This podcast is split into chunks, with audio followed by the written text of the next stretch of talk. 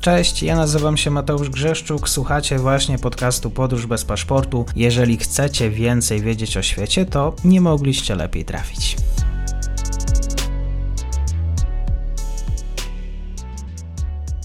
Dzień dobry, dobry wieczór wszystkim słuchaczom. Działamy w tempie i w rytmie informacji, które też obiegają światowe media. Ze mną jest Łukasz Bugajski, ekspert do spraw bezpieczeństwa. Dzień dobry, bardzo mi miło. Dzień dobry, dobry wieczór. Gorąco na linii Kosowo-Serbia.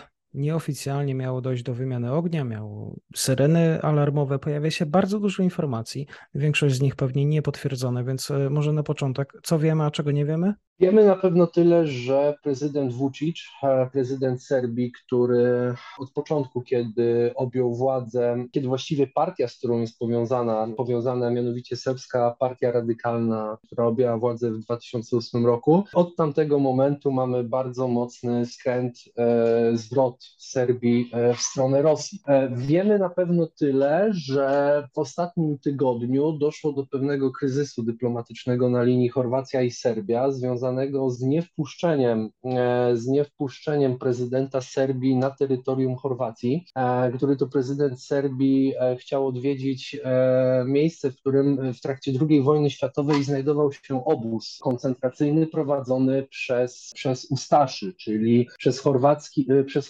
Chorwatów, którzy kolaborowali z rządem w Berlinie.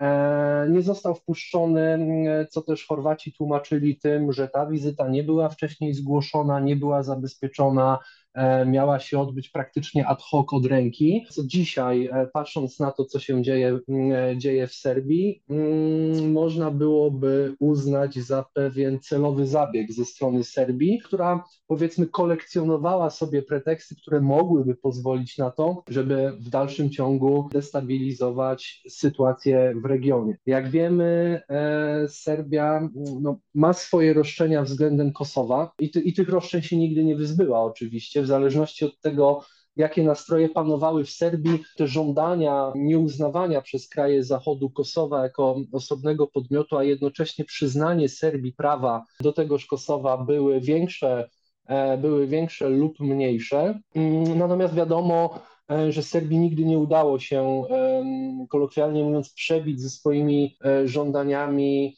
bardziej na zewnątrz, mimo tego, że powiedzmy, kwestii Kosowa no, faktycznie nie można e, uznać za załatwioną. Gdyby kwestia Kosowa była załatwiona, nie byłoby tam potrzeby utrzymywania misji e, zachodnich. E, jedna, no to wiadomo, misja Euforu, która akurat operuje na terytorium Bośni i Hercegowiny, ale druga misja, no to cały e, kontyngent Euleksu, czyli kontyngent policyjny, w tym, w tym e, skład polski, na ten moment to jest około 110 osób, 110 funkcjonariuszy polskiej policji, którzy znajdują się w Kosowie. Co do samej Serbii, e, no, biorąc pod uwagę to, jakie informacje obecnie pojawiają się w przestrzeni publicznej, można mieć, możemy snuć dwie teorie tego, co się wydarzy dalej. Pierwsza z nich to taka, wedle której Serbia wykorzystuje mm, sytuację mm, na Ukrainie, konflikt e, Zachodu z Rosją i, i, i jej stronnikami i generalnie e, ogromną destabilizację sytuacji geopolitycznej na świecie. I tutaj moglibyśmy zakładać, że to, co się obecnie dzieje w Serbii, to jest tylko i wyłącznie pewnego rodzaju blef lub, lub prowokacja, aby zwrócić uwagę świata E, na problem serbski, który to Serbia podnosi właśnie w takim, a nie innym momencie, licząc na to, że ten problem mm, nie będzie mógł zostać zbagatelizowany. E, natomiast druga E, druga z możliwości, mm, no to to, że faktycznie Serbia, e, mam nadzieję, że tak oczywiście się nie stanie, ale że Serbia być może jest kolejnym z mm, elementów, narzędzi właściwie polityki rosyjskiej na Bałkanach, e, po który Rosja sięga w miarę pogarszającej się sytuacji na, na, na froncie walki z Ukrainą. Jeżeli chodzi o rosyjską dezinformację, a wiemy o tym, że i Rosjanie lubią maczać palce w tego typu, tego typu komunikatach, tego typu sytuacjach. Rozumiem, że też słuchacze, osoby, które e, są odbiorcami e, informacji właśnie z Bałkanów, powinny rzeczywiście uważać. Szczególnie uważać na informacje z Bałkanów, o tyle, o ile jesteśmy w stanie już może nie tyle walczyć, bo, bo, bo nigdy nie da się w 100% zwalczyć rosyjskiej dezinformacji, to my tutaj w Polsce i, i w Europie jesteśmy w stanie, jesteśmy w stanie wykrywać te zagrożenia związane z dezinformacją, weryfikować e, spływające informacje, odpowiadać na te informacje, również wykorzystując do tego E, narzędzia walki informacyjnej, którymi dysponuje Zachód, bo nie oszukujmy się, ale wszystkie media we wszystkich krajach Unii Europejskiej i też, e, i też za Atlantykiem e, no, stanowią pewnego rodzaju formę wojny, formę narzędzia w wojnie informacyjnej z Rosją, bo gdyby nasze media tutaj E, media niemieckie, media polskie, media czeskie, e, hiszpańskie, francuskie czy amerykańskie nie reagowałyby e, na te informacje, jakie płyną z Rosji, to mielibyśmy dużo większy problem. O tyle problem Bałkanów wynika z tego, że raz, na miejscu nigdy tak naprawdę nie rozwiązano wewnętrznych problemów wszystkich państw, które powstały po, po rozpadzie Jugosławii, E, wręcz tylko przygaszano czy, czy starano się uspokajać pewne nastroje, ale żaden, żaden z tamtych krajów, tamtejsze służby e, i tamtejsze społeczeństwa no, nie są tak przygotowane na konfrontację z, z rosyjską dezinformacją, jak jesteśmy przygotowani my tutaj. E, dlatego też ta dezinformacja może trafiać na bardzo podatny grunt, chociażby serbskich nacjonalistów, którzy zawsze odwoływali się do Rosji jako tego wielkiego brata, z którym należy żyć blisko, trzymać się blisko, a to dlatego, że Rosja jest gwarantem e, niepodległości Serbii w ich rozumieniu. E, do dzisiaj e, wielu Serbów uważa, że gdyby w 1999 roku, kiedy doszło do interwencji NATO na terenach byłej Jugosławii, Rosja miała dużo silniejszą pozycję narodową i międzynarodową, to byłaby w stanie skuteczniej zadbać o serbskie interesy w regionie, co też się, co też się z przyczyn oczywistych nie udało. W Serbii też narasta cały czas e, sceptycyzm wobec Unii Europejskiej i, i, i wobec tego powiedzmy europejskiego stylu życia, bycia i rządzenia